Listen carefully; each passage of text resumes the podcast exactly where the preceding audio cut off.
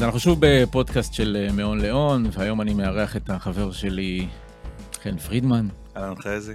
מתכנן פיננסי בכיר בטרפז פיננסים. מה קורה, חן? בסדר, בסדר גמור. אז יש נושא שכבר דיברנו עליו כמה וכמה פעמים, אבל הוא מאוד מהותי, הוא מאוד מאוד מה שנקרא בדם שלנו, אנחנו מאוד מאוד אה, אה, רגישים אליו, וזה הנושא הזה של ביטוח מנהלים. כן ביטוח מנהלים, לא ביטוח מנהלים. העדפה לקרן פנסיה היא תמיד תהיה חד משמעית. זה הדבר שבעצם רציתי שנדבר עליו היום, חן. אה, וגם לאחרונה באמת ראינו קצת אה, אה, שינוי, מגמה או תפיסה בעצם של המדינה לגבי המוצר הזה שנקרא ביטוח מנהלים. אז בוא נדבר שנייה רגע דווקא למה ביטוח מנהלים כן אולי יכול להיות מוצר לגיטימי, ואז ננסה להבין בכלל למי. אני דווקא הייתי מתחיל אולי בשיעור היסטוריה. אוקיי. אוקיי, ביטוחי, ביטוחי המנהלים מתחלקים לארבע. אוקיי? ביטוחים עד שנת 91, בין 91 ל-2001, בין 2001 ל-2013, mm-hmm. ומ-2013 ומעלה. Mm-hmm. בואו לא, לא נלאה את הצופים ביותר כן. מדי היסטוריה, אבל עד 91 אין על מה לדבר, mm-hmm. אוקיי? זה, זה קרנות, זה קופות, סליחה, עם הבטחת תשואה, אין על מה לדבר. אין על מה לדבר, רק שוב, שהמאזינים יבינו, זה אומר שאנחנו נעדיף שהם יישארו שם, למרות אולי חסרונות כאלה ואחרים, אנחנו יש... נעדיף כי היתרונות כנראה אה, גוברים בעצם על החסרונות. יש חיסרון קטן, אבל נגיע אליו כשנדבר בין 91 ל-2001. הרי אני מזכיר לך, חזי, איך סוכני הביטוח מוכרים ביטוח? Mm-hmm. יש פטנט אחד למכור ביטוח, mm-hmm. וזה הפחדה. לגמרי. יפה. אז אנחנו מדברים על מקדם. שנייה היסטוריה, מה זה מקדם? לא היסטוריה, ידע. Mm-hmm. מה זה מקדם? לוקחים את הסכום שצברנו, מחלקים אותו במספר שנקרא המקדם, ואלה יהיו המנות שלנו לפנסיה עד גיל פרישה. אז מה, המק... מה שאומר, מקדם קצבה אנחנו רוצים שיהיה גבוה, או שאנחנו רוצים שיהיה נמוך? שיהיה כמה שיותר נמוך. מן הסתם כמה שיותר נמוך. כשהמכנה נמוך, אנחנו נקבל מנה שהיא הקצבה שלנו שתהיה כמה שיותר גדולה. נכון, נכון, נכון. זאת אומרת, אפשר להגיד את זה, שמעתי פעם מישהו אומר, נגיד אם המקדם שלנו 200, אז על כל 200 שקל זה שקל בקצבה. Mm-hmm. זה גם איזושהי הגדרה. אז uh, המקדם קצבה בין 91 ל-2001 הוא מקדם נמוך, mm-hmm. גם לגבר, פחות לאישה, אבל גם לגבר, פחות לאישה. אבל נגיד יש עם זה בעיה, יש עם זה בעיה בגיל פרישה, אם האדם נשוי, לא נשוי, אז זה, זה דילמה מאוד מאוד גדולה אם האדם נשוי או לא נשוי. אדם לא נשוי, גרוש, אלמן, רווק, אז אין ספק שעדיף לו להישאר באותה, באותו אה, אה, אה, ביטוח מנהלים. אבל השיח מתחיל עם האדם נשוי ויש לו ביטוח מנהלים מ-91 ל-2001, שם מתחיל השיח כי יש פגיעה בבן הזוג אחרי גיל הפרישה. ואני אפילו פוגש, לצערי, הרבה אנשים שמשכו את הביטוח מנהלים הזה לאורך שנים, ושילמו את אותם דמי ניהול גבוהים, כאילו המהות היא הדמי mm-hmm. ניהול הגבוהים. שזה החיסרון הגדול של ביטוח מנהלים. שזה החיסרון הגדול. שאולי יש לו שם יפה, אבל... יש לו שם נהדר, אתה מנהל. כן. אבל אני פעם הייתי שוטף כלים במסעדה והיה לי ביטוח מנהלים. ביטוח מנהלים. אה, ובאותו רגע, כשזה נשוי, אז כנראה מעבירים אותם לקרן פנסיה, ואז הפסדנו, גם שילמנו mm-hmm. את כל הדמי ניהול וגם לא השתמשנו במקדם. המקדמים בין 2001 ומעלה עד 2013, בעיניי, כמובן בעיניי, אין ספק, רווק, נשוי, צריך להעביר לקרן פנסיה. Mm-hmm. ומ-2013 בכלל אין על מה לדבר, כי אין מקדמים מובטחים. Mm-hmm. אוקיי, זה שיעור היסטוריה שעשינו. אוקיי, תמשיך. אה, אז אה, אה, זה המהות, כל אדם שיש לו ביטוח מנהלים צריך... עכשיו, ברוב המקרים שאני פוגש, אז כשאני מסביר למישהו על אותו ביטוח מנהלים, אז הוא אומר, אז איך כל השנים אמרו לי לשמור על אותו מקדם? אז אוקיי, אמרו מכמה סיבות, יכול להיות שזה הסיבה של הסוכן ביטוח, שזה עניין שלו, יכול להיות שעדיין דמי הניהול לא ירדו בקרנות הפנסיה בצורה כל כך חדה, שזה היה משתלם תמורת זה להפסיד את המקדם. אבל בדמי הניהול הקיימים היום בקרנות הפנסיה, מול דמי הניהול הקיימים בביטוחי מנהלים, עדיין, אם מקדם מובטח, וכולל מקדם מובטח מאוד מאוד אטרקטיבי, עדיין הסכום שמשלמים עליו דמי ניהול הוא עצום, ולכן שווה להעביר לביטוחי מנהלים. עכשיו, לקרנות פנסיה כמובן. עכשיו, ברור לנו שהחיסרון הגדול של ביטוח מנהלים זה דמי ניהול, פרופורציונלית, נניח פחות או יותר על שכר של 15,000 שקל. אה, שלפיו בעצם יש את ההפרשות, אנחנו מדברים בביטוחי מנהלים על, שוב, אנחנו מדברים על ממוצעים, זה משהו כמו סדר גודל של 3% מההפקדה, ומשהו סביב האחוז אולי מהצבירה, שלעומת זאת בקרן פנסיה זה יכול להיות 1.5 מההפקדה. ו-0.1 מהצבירה. 90 כן. אחוז פחות בדמי ניהול. טוב, אבל זה משהו שנורא קל אה, לראות, את הדמי ניהול, משהו שקל נורא לדבר עליו, אבל כמו שאמרת, זה מציאות שהיא קצת מורכבת. כי ביטוחי מנהלים, אנחנו צריכים לבוא ולראות כמובן את, ה, אה, את הסטטוס המשפחתי, כמובן את הגיל, ולנסות לעשות איזה שהם תרחישים, שזה משהו שאנחנו מן הסתם עושים בסימולציות. נכון. אוקיי? אתה יכול לתת איזה שהם אה, נקודות למשל שהן נורא מכריעות, ללמה אנחנו דווקא נעדיף להעביר אה, לקוח או לקוחה מביטוח מנהלים לקרן פנסיה, שבאמת זה היה פשע להיות עד עכשיו. במוצר הזה. אז קודם כל אדם ש... שאין לו משכורת מעל 23,000 שקל, שהיא הגבול לקרן פנסיה מקיפה, mm-hmm. אז לדוגמה זה התשואות. Mm-hmm. הרבה פעמים אנשים חושבים שהמקדם תלוי רק בתוחלת החיים, אבל המקדם גם תלוי בתשואות העתידיות של mm-hmm. אותה קופה. ולכן בקרן הפנסיה, שבאופן כמעט חד משמעי, למרות שיהיה אותו מנהל השקעות. אותו מנהל, ויבחרו את אותם מוצרים, קרן הפנסיה המקיפה תעשה תשואה יותר גבוהה מביטוח המנהלים, mm-hmm. מכיוון ש-30 אחוז, ב-27 אחוז מהכספים מבוטחים על ידי מדינת ישראל mm-hmm. בזמן העבודה, mm-hmm. ובזמן הפרישה עצמו מבוטחים 60 אחוז mm-hmm. מהכספים. זאת אומרת, צריך לזכור שגם בביטוח מנהלים, שימו לב, חבר'ה, שיש לכם ביטוח מנהלים, יש סעיף קטן, סעיף קטן אני קורא לו, מתחת למקדם, שכתוב מה תהיה התשואה. Mm-hmm. המקדם לא באמת מובטח, הוא מובטח רק בהינתן תשואה מסוימת. Mm-hmm. ולכן זה נגיד שיקול מאוד מאוד גדול בהעברה לקרן פנסיה. בעיניי שיקול ענק, שבכלל לא... זה לזה לגברים או נשים נשואים, אין הגנה משפחתית. אין ולא יהיה, ואני, אני, זה נגיד אני חותם על זה עם סימני קריאה. אין הגנה משפח, משפחתית יותר נכונה במקרה מוות מאשר קרן פנסיה.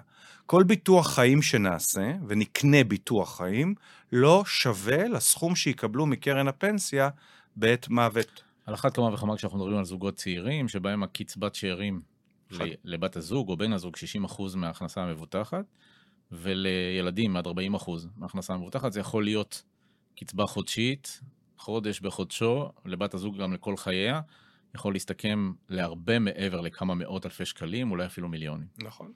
אז זה מן הסתם אחד השיקולים. אבל בואו נדבר על כיסוי ביטוחי אחר שמן הסתם אה, מעסיק, וזה העניין של אובדן כושר עבודה, או הנכות, כמו שזה מוגדר בקרן הפנסיה. ואנחנו מקבלים לא פעם את הטענה הזאת של אה, מבוטח, אה, לקוח שאנחנו מטפלים בו, שאומרים, רגע, רגע, רגע, אבל אמרו לי שבביטוח המנהלים יש לי כיסוי לאובדן כושר עבודה, תקשיב טוב, ספציפית למקצוע שלי, ספציפית לעיסוק שלי. מה אנחנו אומרים על זה, חן? או, זה נחמד, במיוחד ביום שאתה שואל אותי, אתה יודע למה? Mm. כי מה כתוב בקרן פנסיה? הרי, כמו שאמרת, בביטוח מנהלים כתוב מה המקצוע. Mm-hmm. אם אני מהנדס, כתוב שאני מהנדס. בקרן פנסיה כתוב מילה שאסור להשתמש בה. עיסוק סביר אחר, מותר להשתמש בסביר? אומרים שלא, לא אוקיי. בטוח שזה סביר להשתמש. לא סביר, אז כתוב עיסוק סביר אחר. עכשיו, מה זה עיסוק סביר? אם אני אפגוש עשרה אנשים ברחוב ואני אשאל אותו מה זה סביר, הלוא זה כל המלחמה עכשיו. אז מה זה סביר? אז כל אחד יגיד סביר משהו אחר. אז מה עושים? הולכים לבג"ץ. ובג"ץ, זה נורא מצחיק השיחה הזאת עכשיו. ובג"ץ פסק מה זה עיסוק סביר. ועיסוק סביר זה עיסוק שמתאים להכנסתך, למ... לה... להשכלה mm-hmm. שלך, לניסיון mm-hmm. שלך, למיליה שאליו אתה משתייך, למיומנות שלך. זאת אומרת שאם הייתי מתכנת בהייטק. או אם הייתי אדריכל.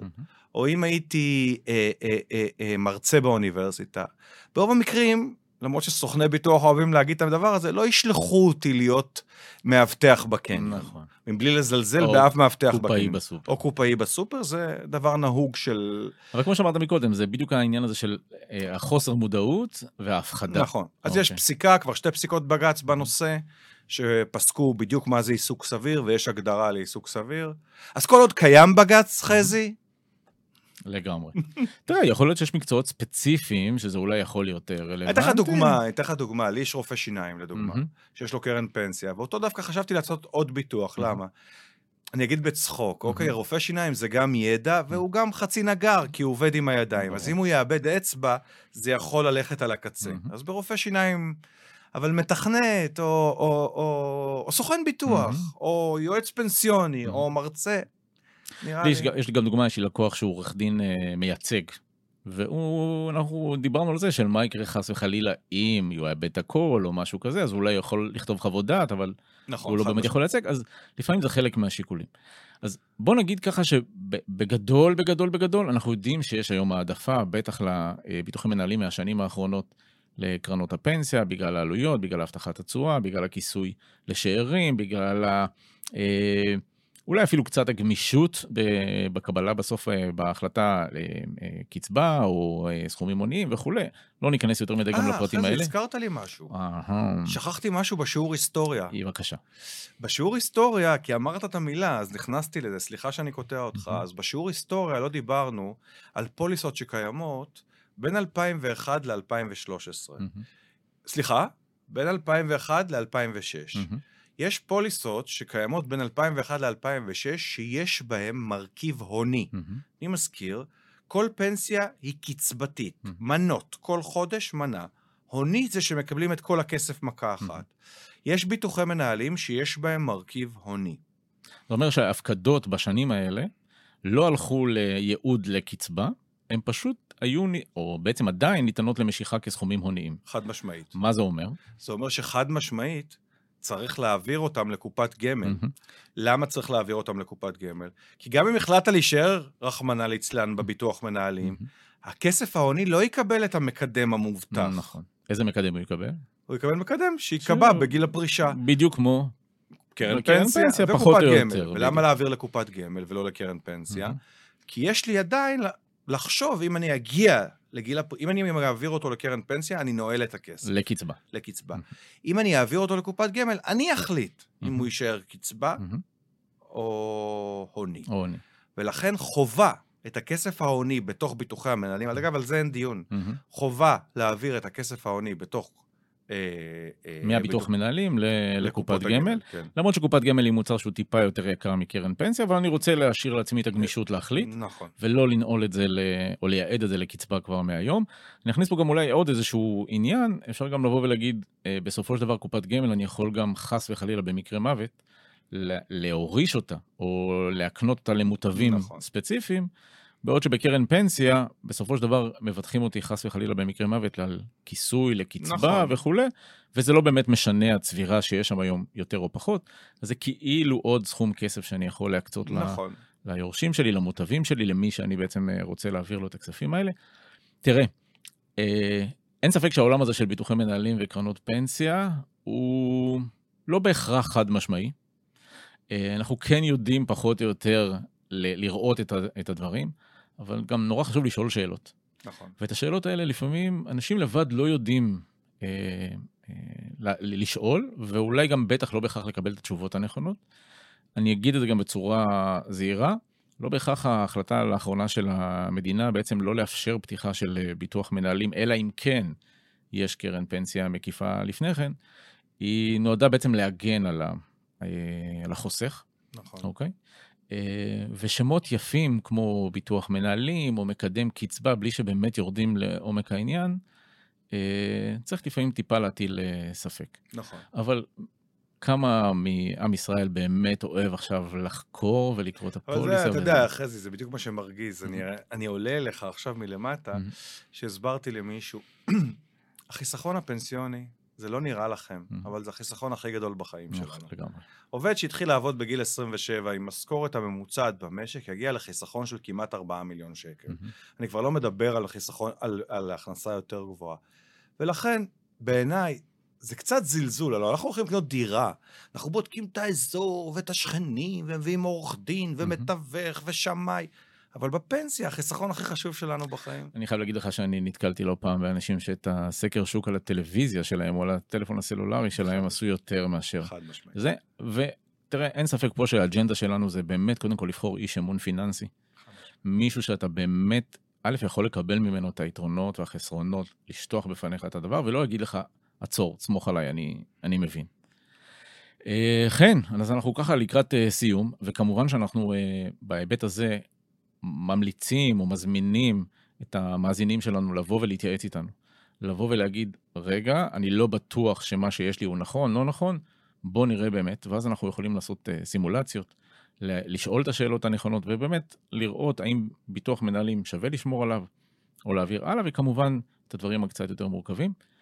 אה, טיפ זהב, אתה יודע שאני אוהב לסיים ככה את הפודקאסטים שלי, אז טיפ זהב למאזינים שלנו לפני סיום. זה הטיפ שאני הכי אוהב. חבר'ה, אם אתם רווקים, גרושים, אלמנים, שימו לב, 99% מהציבור במדינת ישראל משלם בקרן הפנסיה ביטוח שאירים, ביטוח אלמנה או אלמן, למרות שהם לא קיימים. רווקים, גרושים, אלמנים, כנסו לדוח קרן הפנסיה. אם כתוב בו קצבה לאלמן, סילמן שאתם משלמים כסף לאדם שלא קיים. חובה לטפל בזה. זאת אומרת שזה בעצם כסף שיורד מהחיסכון וקצת אה, מיותר, וכמובן שכשהגיל הוא גם אה, יותר מבוגר, אז גם הפרמיה הזאת היא יותר יקרה, אה, משמעותית. גם השכר. אגב, הזכרת עניין של גרושים, אה, רווקים וכולי. אה, לגבי מקדם הקצבה, אנחנו יודעים שהוא לפעמים יכול להיות קריטית, הרבה יותר נמוך, גם דרך הקרן פנסיה, כולם מדברים על מקדם 200, 200, 200, אבל uh, בעצם גרושים, אלמנים, גרושים, גרושים, uh, אלמנים ורווקים, מקדם שלהם יותר לכיוון ה-180. Mm-hmm. שזה משהו שיכול להיות מכריע, למשל, כשאנחנו פוגשים מישהו עם ביטוח מנהלים, שאומר לנו, רגע, אבל המקדם קצבה שלי הוא קבוע. אגב, במיוחד אצל נשים. ההבדל מאוד נמוך. כי במקדמים הישנים... ההבדל מאוד גבוה, אתה מתכוון. ההבדל מאוד נמוך. בין המקדם קצבה בקרן הפנסיה. בין המקדם קצבה בקרן הפנסיה לבין מקדם קצבה okay, בביטוח אוקיי, מנהלים okay. אוקיי. מובטח. Mm-hmm. כן, מאוד נמוך. Mm-hmm. זה נדמה לי 177 מול 185, זה. ממש כסף קטן. על הכיפאק, חן. אה, שמחתי לארח אותך.